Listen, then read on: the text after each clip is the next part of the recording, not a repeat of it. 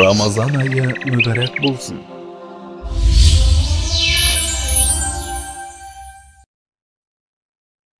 بسم الله الرحمن الرحيم الحمد لله رب العالمين والصلاة والسلام على رسولنا محمد وعلى آله وصحبه أجمعين السلام عليكم ардақты көрермендер тыңдаушылар алла тағала жасаған құлшылықтарыңызды тілеген дұға тілектеріңізді қабыл етсін біз бүгін орталық мешітте құдай қаласа кәф сүресінің жалғасын. Одан кейін мәриям сүресін одан соң таха сүресін оқитын боламыз. Алла тағала тарауыхты оқыған намаздарыңызды құлшылықтарыңызды қабыл етсін. Кәф сүресі мекке кезеңінде түскен яғни меккелік сүре болып табылады. Ғашия сүресінен кейін түскен деп айтылады. Кейбір ғалымдарымыз кәф сүресінің 28-ші 83-ші 101-ші аяттары мәдинада түсті деген риуаяттар келтірсе де аяттың мазмұнына көз жүгіртіп қарасаңыз негізінде меккелік екендігі байқалады. Яғни тұтастай сүрені меккелік сүре деп атауымызға толықтай негіз бар. Сүре өзінің атауын тоғызыншы және жиырма алтыншы аяттарда ататалған асхабул каф яғни үңгір иелері қыссасындағы кәф үңгір деген сөзден алған 110 аяттан тұрады сүре. Сүренің түсу себебіне байланысты мынандай бір риуаятымыз бар.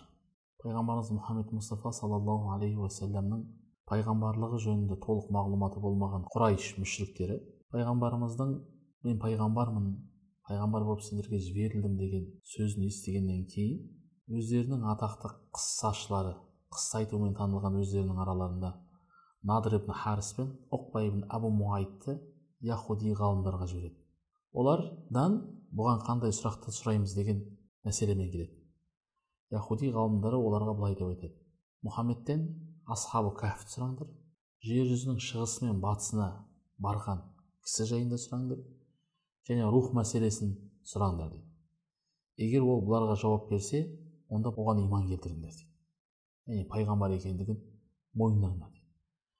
Пайғамбарымыз саллаллаху алейхи уассалам мүшіріктер келіп аталмыш үш сұрақты келіп өзінен сұраған кезде пайғамбарымыз саллаллаху алейхи уассалам мен сендерге бір күннен кейін жауап беремін дейді бірақ иншалла деп айтуды ұмытып кетеді яғни құдай қаласа бұйырса сендерге жауап беремін деген сөзді айтуды ұмытып кетеді осылайша бір күннен кейін уахи келмейді себебі пайғамбар саллаллаху алейхи уассаламды алла тағала тәрбиелегісі келген болады күткен уахи келмеген соң мүшіріктер неше түрлі әңгімені бастайды бұл пайғамбар емес бұл жалған айтып жүр. Пайғамбар болса кәні біз айтқан жауап сұрақтарға неге жауап бермейді деген секілді. Сонымен көптен күткен уақи 15 күннен кейін түседі.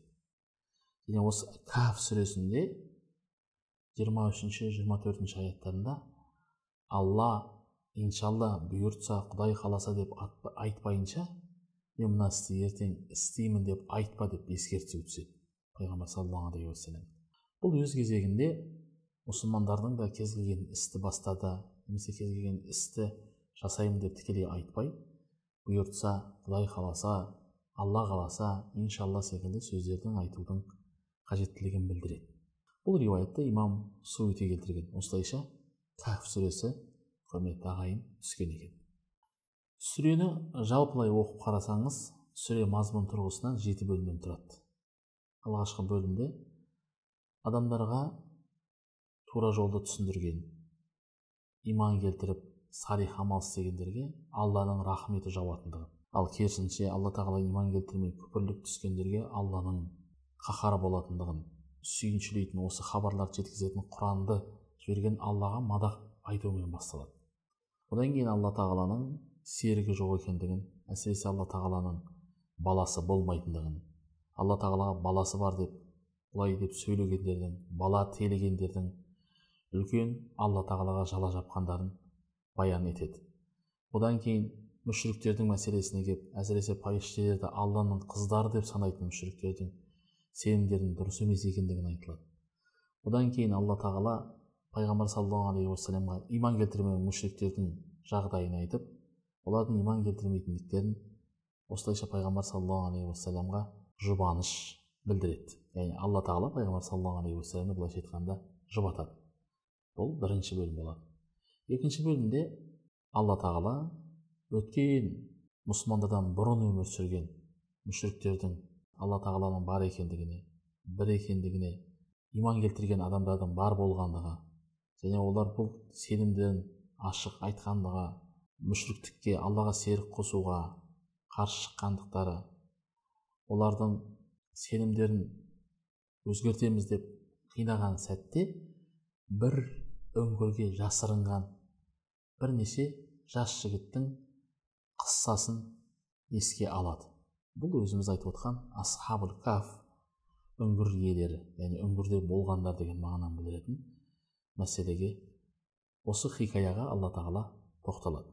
Бұл хикая айтып өткеніміздей өте қатты қысым көрген алла тағалаға иман келтірген жас жігіттердің алла тағаладан оларды сақтап үңгірдің ішінде бірнеше жыл ұйықтатқандығы.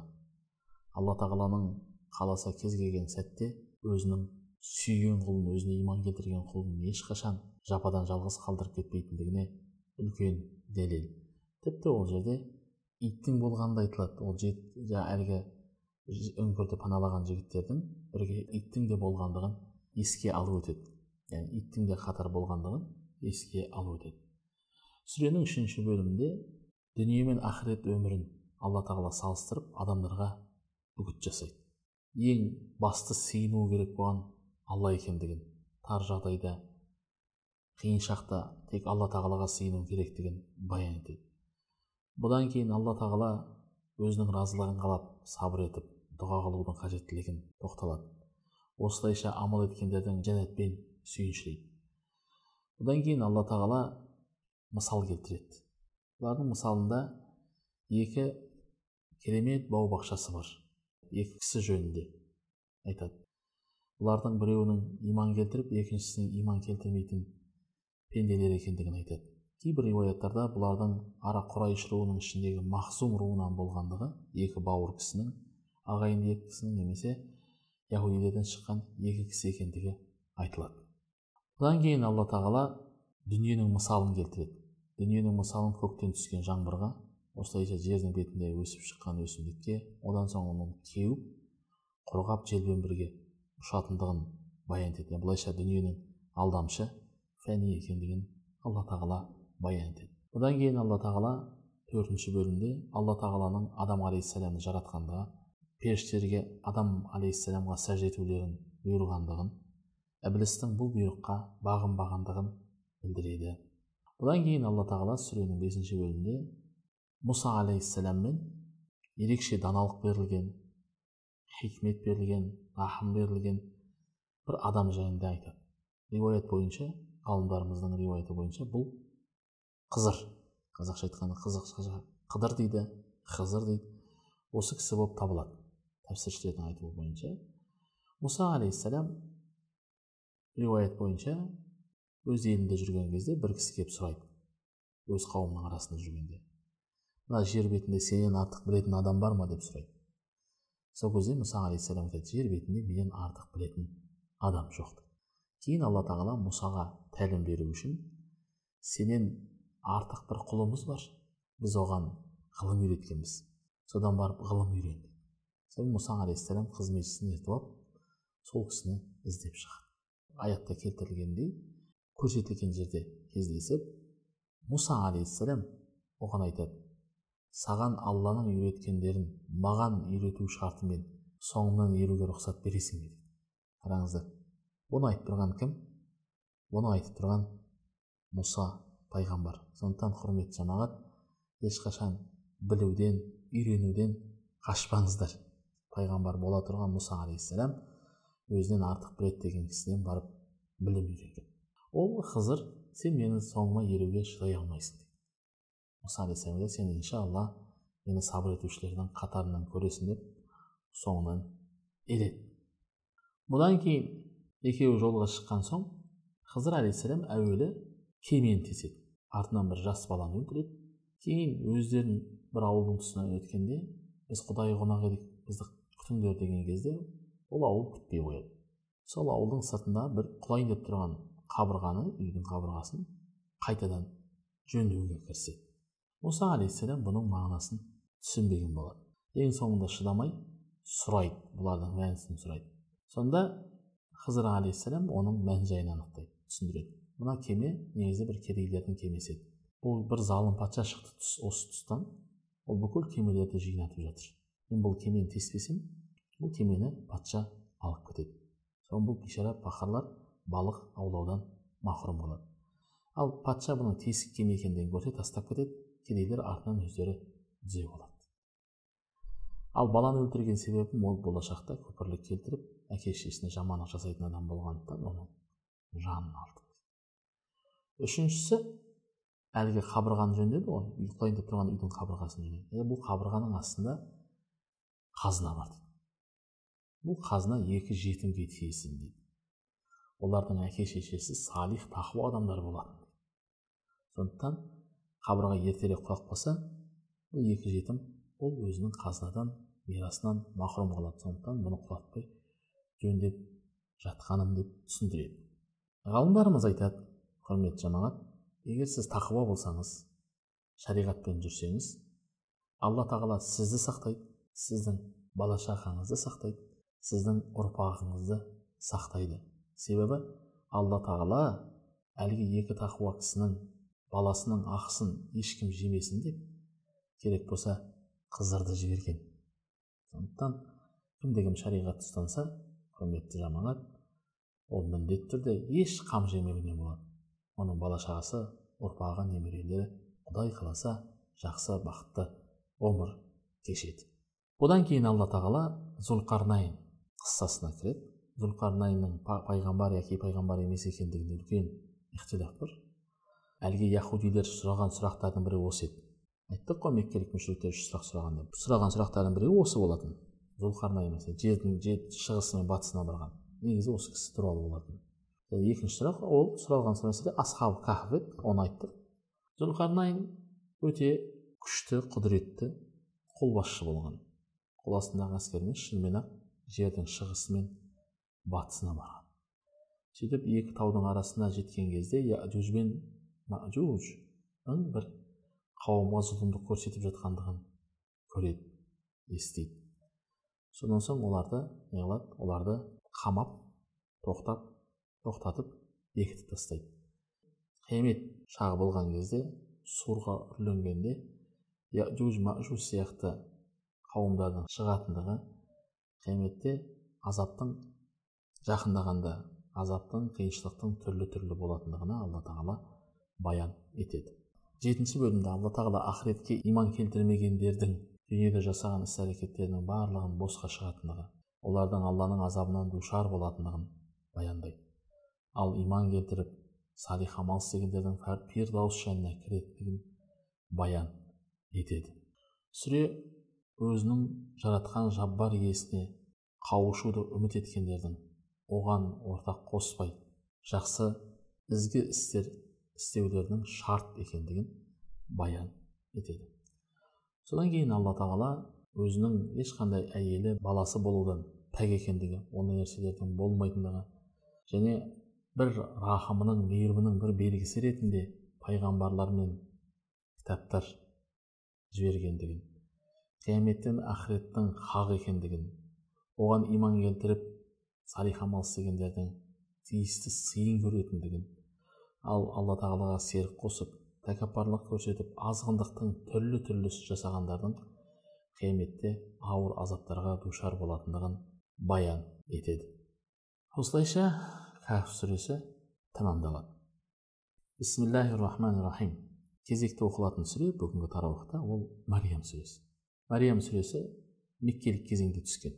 Шамамен пайғамбарымыз саллаллаху алейхи уассаламның пайғамбарлығының бесінші яки алтыншы жылында түскен деген риуаяттар бар. Анық нәрсе пайғамбар саллаллаху алейхи уассаламның сахабаларының қиындық көрген сахабаларының эфиопияға хабашстанға хижрет етпестен қоныс аудармастан бұрын түскендігі анық. Кейбір аяттардың мәдиналық екендігін кейбір ғалымдарымыз айтса да бұл негізі меккелік сүре толықтай солай айтуға негізіміз бар. Меккелік сүре екендігі сүре өзінің атауын сүреде жиі жиі аталатын анамыз хазіреті мариямнан алынады. Кейбір келген риуаяттарда әсіресе абдулла ибн аббастан келген риуаятта сүрелердің басына хуруф мұқаттаға деген болады. Сүренің бастауына келген бөлек бөлек әріптер мысалы әлиф ләм мим деген секілді бұл сүре кәф хә я айн сад деп басталады. Дәп осылай атаған екен абдулла ибн аббас радиаллаху анхума тоқсан сегіз аяттан тұрады сүре. Сүре негізінде дедік кәф сүресінен кейін келген кәф сүресінде байқасаңыздар алла тағаланың құдіреттілігі айтылды.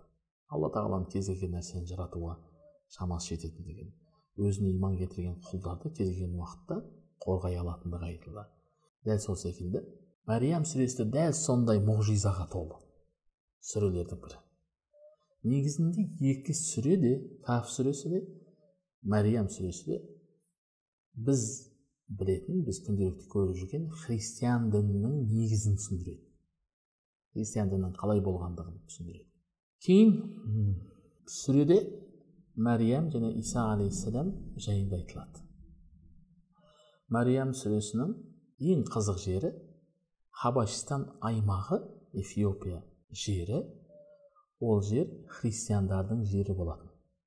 Патшасы да христиан болатын нәжаши алла тағаланың кереметтілігі даналығы сондай. Хабашистанға хижрет сахабаларға рұқсаты шыққаннан бұрын сүрген. Себебі олар ол жақта болашақта христиандармен кездескен кезде христиандықтың не екендігін айтып бере алу үшін. Бұл да тағы да алла тағаланың өз құлдарын қорғай алатындығын көрсетеді. Алдын ала бәрін түгел.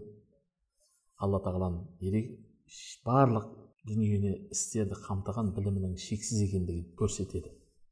Сүренің негізгі алғашқы қырық аятындағы тәсілі жеткізуі айтылған мәселелер ол біздің мұсылмандардың хазіреті мәриям анамыз бен иса алейхисаламға деген біздің мұсылмандардың сенімі қандай? Дәп соны баяндайды. Яғни біз иса алейхисаламның алланың баласы емес алланың ұлы емес алланың бір құлы екендігін мариямның алланың әйелі емес жұбайы емес немесе тағы да басқа теріс ұғымдағы емес ол қарапайым алланың құлы күңі екендігі жайында бұл маңызды мәселе енді сіздерге жаңа айттым алла тағала бұны мұсылмандар хабашистанға қоныс аудармастан бұрын түсірген енді қарасаңыздар хабашистанға хижрет жасаған сахабалардың ә, арасында осман ибн аффан секілді үлкен сахабалар болған. Сол сахабалардың ішінде жафар ибн аби талиб болған. Бұл кейін мұсылмандардың арасында жафар тайяр деп аталған сахабалардың бірі. Жафар ибн аби талиб радиаллаху анху нәжашидің құзырына шыққан кезде меккелік мүшриктер амр бин асты жіберген. Хабашистаннан өздерінің мұсылмандарды қайтарып алу үшін. Дауласып амр бин аспен шыққан кезде бұлар иса алейхисалам мен мәриям анаға жала жабады. Олар осылай осылай деген кезде мұсылмандардың атынан сөйлеп шыққан жафар осы мәриям сүресінің хазіреті яхия иса алейхисаламнан сөз қозғайтын алғашқы бөлімдерін оқыған. Тыңдаған нәжаши оқылған аяттардан қатты әсерленіп көз жасына ерік берген. Сондықтан бұл сүре христиандарға ең алғашқы болып өздерінің сенімдері қандай екендігін мәриямға иса алейхисаламға қатысты сенімдерінің қалай болатындығын білдірген ең алғашқы сүрелердің бірі. Бұдан кейін мәриям сүресінде меккелік сүрелерге тән тәсіл бар. Ол таухид сенімі пайғамбарлық өлімнен кейін қайта тірілу жасаған іс әрекеттердің амалдардың міндетті түрде сый яки жазасы болатындығы алла тағаланың серігі жоқ екендігі әсіресе алла тағаланың баласы оның ортағы оған ұқсас еш нәрсенің болмайтындығын былайша айтқанда алла тағаланы пәктейтін алла тағаланы ұлылайтын сүрелердің бірі.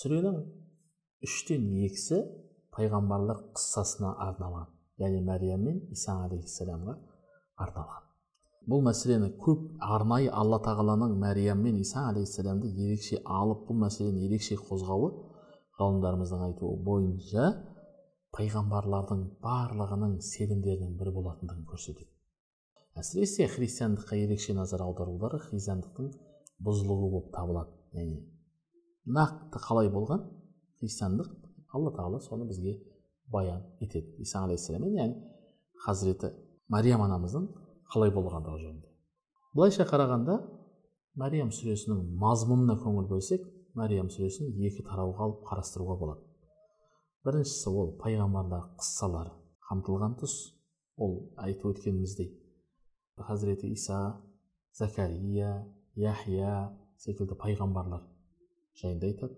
закарияның жасы ұлғайғанына қарамастан өзіне мирасқор болатын ұл баланы сұрауы одан кейін оған яхияны беруі айтылады.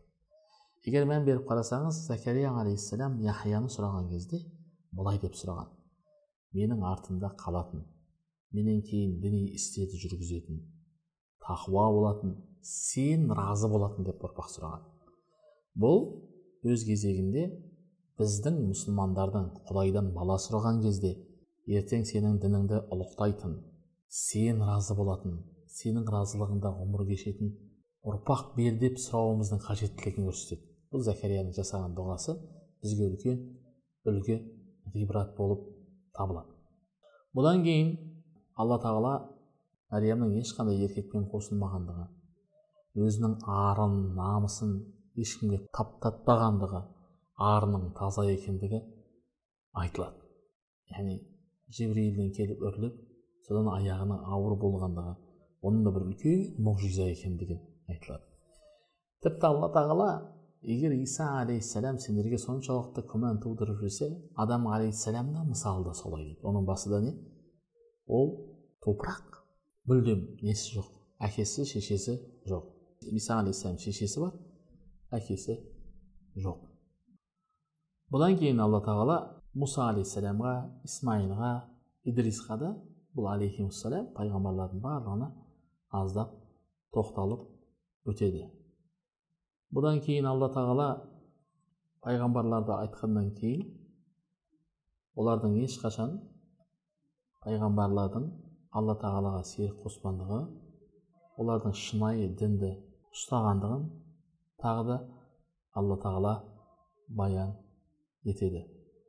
Осылайша алла тағала серік қоспау мен алла тағала шынайы құл болуға шақырған мәриям сүресі де осылай бітеді тамамдалады яғни алла тағалаға иман келтіріп салих ізгі амал жасағандардың алла тағаланың рахымына мейірімінен бөленетіндігі құранның тақуа құлдар үшін бір сүйіншілеуші кітап екендігі. Ал күпірлік етіп аллаға иман келтірмеген қауымдар үшін бір ескертуші кітап екендігі айтылып осымен сүре тәмамдалады бисмиллахи рахмани рахим біз бүгін құдай қаласа тарауых намазында таха сүресінде оқитын боламыз таха сүресі ғалымдарымыздың айтуы бойынша меккелік кезеңде мекке дәуірінде мәриям сүресінен кейін түскен сүре өзінің атауын ең алғашқы аяттан алынған таха деп аталатын екі әріптен тұратын хуруфул мұқаттаға деген ғалымдарымыз атайтын осы екінші бірінші аяттан алған. Сүренің жалпы үштен екі бөлімі мұса алейхисаламның пайғамбарлығына перғауынмен және өз қауымымен болған қиыншылықтарына тартыстарына қатысты. Мұса алейхисаламның лақабының біреуі кәлимулла. Алламен сөйлескен адам деген. Алламен сөйлескен пайғамбар. Яғни пайғамбарларға әртүрлі мұғжизалар берілген. Мұса алейхисаламға берілген ең үлкен нығмет ол алла тағаламен тілдесу тікелей. Сол үшін кейбір ғалымдарымыз бұл сүрені кәлим сүресі деп атаған аяттарының саны 135 бұл сүре біз бәріміз білетін сахаба омар радиаллаху анхудың мұсылман болуының алдында түскен. Кейбір риуаяттарда осы таха сүресінің алғашқы аяттарын оқығаннан кейін омар радиаллаху анху мұсылманшылықты қабыл еткен. Яғни омардың бүкіл санасын жүрегін баурап алған сүрелердің бірі. Шынымен ақ сүре сондай. Алла тағала бұл сүреде пайғамбар саллаллаху алейхи уассаламға құран кәрімге иман келтірудің маңызды екендігін айтып өткеннен кейін мұса алейхисаламның пайғамбарлығына оның тартыстарына адам алейхисаламның шайтанның адастыруына ергендігі күнә жасағандығы одан кейін тәубе еткендігі тәубесінің қабыл болғандығы қияметтің азаптарын қияметтің қалай болатындығын жалпылай қамтып өткен. Былайша айтқанда сүреде бір кіріспе бар төрт тарау бар және де бір соңғы нәтиже бар. Қорытынды ретінде жүрген. Сүреде ең алғашқы айтылған нәрсе ол кіріспе бөлімі. Кіріспе бөлімінде алла тағала өзінің мына әлемді адамзат баласының босқа жаратпағандығын жеті қат көк пен жердегі оның астындағы нәрселердің барлығын мүлкі өзіне тән екендігі. Бұлардың барлығы кез келген құлдың істеген ісінің ашық болсын жасырын болсын барлық істерінің алла тағала тарапынан білінетіндігін айтады. Бұл кіріспе бөлім болады. Сүренің алғашқы тарауында пайғамбар мұса алейхисаламға пайғамбарлықтың қалай келгендігін баяндайды. Мұса алейхисаламның отбасы мүшелерімен мысырға кетіп бара жатқанда туа деген тұста иләһи рахымға мейірімге бөленгендігін уахидың ең алғаш жүреге түскендігін мұса алейхисаламның перғауынға барып хақ дінді айту айту міндеті жүктелгендігін бану исраилдің перғауынның қолынан әртүрлі азап көріп жатқан бану исраилдің жіберуін талап етумен перғауынға барып соны талап ет деген міндетпен жүктеледі. Бұл сүренің алғашқы бөлімі. Яғни сүре айтып өткеніміздей мұса алейхисаламға пайғамбарлықтың қалай келгендігін баяндаумен басталады. Одан кейін екінші тарауда алла тағала мұса мен ферғауынның арасындағы тартыстарға текетіреске арнайы тоқталып өтеді. Олардың перғауынға көрсеткен мұғжизаларын перғауынның және оның жанындағылардың сиқыр деп қабыл еткендігін мұса алейхисаламның бір топ үлкен адам адам жиналған топтың алдында мұса алейхисаламның таяғының асасының жыланға айналып сиқыршылардың жылан ретінде көрсеткен жіптері мен таяқтарын жұтқан сәтінен бастап жұтатындығын бұны көрген сиқыршылардың барлығының харун мен мұсаның раббысына иман келтірдік деп айтқандығын келтіреді. Бұдан кейін перғауынның мына барлығын көріп сендер мыналармен біргесіңдер деп сиқыршыларға әртүрлі азапты сендердің жандарыңды аламын сендерге жазаларыңды беремін деп қорқытқандығы айтылады. Алайда сол сиқыршылардың иманының берік болғандығы олардың сол иманынан қайтпағандығы осылайша жан тапсырғандығы айтылады. Артынша мұса алейхисаламның алғашқы шақыртуларына қойған талаптарына мойымаған қабыл етпеген перғауынның алла тағала тарапынан көрген неше түрлі азаптарын айтылады. Кейін амалдың жоқтығынан шарасы қалмаған перғауынның бану исраилға яхудилерге рұқсат бергендігі мұсамен бірге кетуге. Кейін оған шыдамай артынан олардың қуғандығы әскерімен осылайша теңіздің ортасына тұншығып өлгендігі өлімінің соңғы сәтінде мен бану исраилдің раббысына иман келтірдім деп айтқандығы бірақ онысының ешбір пайда бермегендігі айтылады. Таха сүресінің үшінші бөлімінде бұрынғы өткен қауымдарға қатысты айтылып жатқан хабарлардың бізге ғибрат алу үшін үлгі алуымыз үшін жіберіліп жатқандығы осынша жасалып жатқан ескертулерге келтіріп жатқан пайғамбарлардың қыссаларынан ғибрат алмай үлгі алмай сол қасарысқан қалпынан қайтпағандардың үлкен бір азапқа душар болатындығы. Одан кейін алла тағала құран кәрімді арабша түсіргендігі құран кәрімнің ерекше бір кітап екендігі пайғамбар саллаллаху алейхи уассаламның құран түсіп жатқан сәтте асықпауын себебі алла тағала өзі үйрететіндігін өзі қорғайтындығын алла тағала пайғамбар саллаллаху алейхи ескерту жасайды. Бұл үшінші бөлімге қатысты болатын үшінші тарауға. Сүренің төртінші бөлімінде шайтанның адам алейхисаламды азғыруымен адам ата мен хауа ананың тыйым салған жемістен жеуі соның нәтижесінде жәннаттан шығарылғандығы жер бетіне түсірілгендіктері айтылады.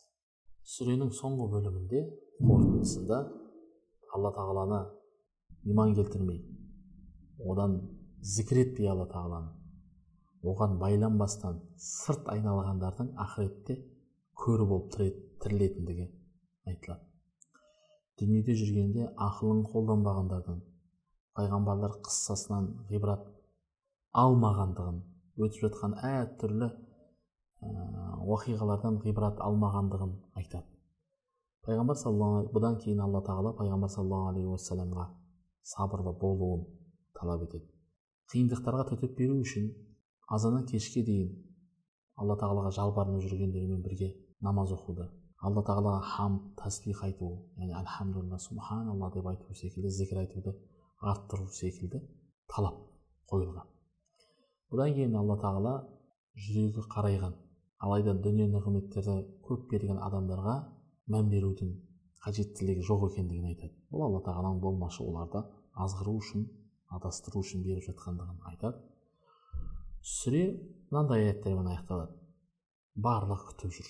Сіздер де күтіңіздер. Жақында тура жолда жүріп алланың азабынан аман қалатын жанның кім екендігін түсінетін боласыңдар деген аятпен бітеді. Таха сүресі адамның иман сейдің бостандығы және жан мал қауіпсіздігі тұрғысынан мұсылмандардың қиын бір шақта хабашстанға көшуге хижрет жасауға мәжбүр болған уақытында түскен бұлардың барлығы қандай мұсылмандар қиыншылық көрсе де кейін түбінің соңының жақсы болатындығы мұсылмандардың алла тағаланың рахымына мейіріміне бөлінетіндігін ешқашан алланың мейірінен үміт үзуге болмайтындығын айтумен тәмамдалады. Алла тағала қылған құлшылықтарыңызды дұға тілектеріңізді қабыл етсін. Еліміз аман жұртымыз тыныш болсын.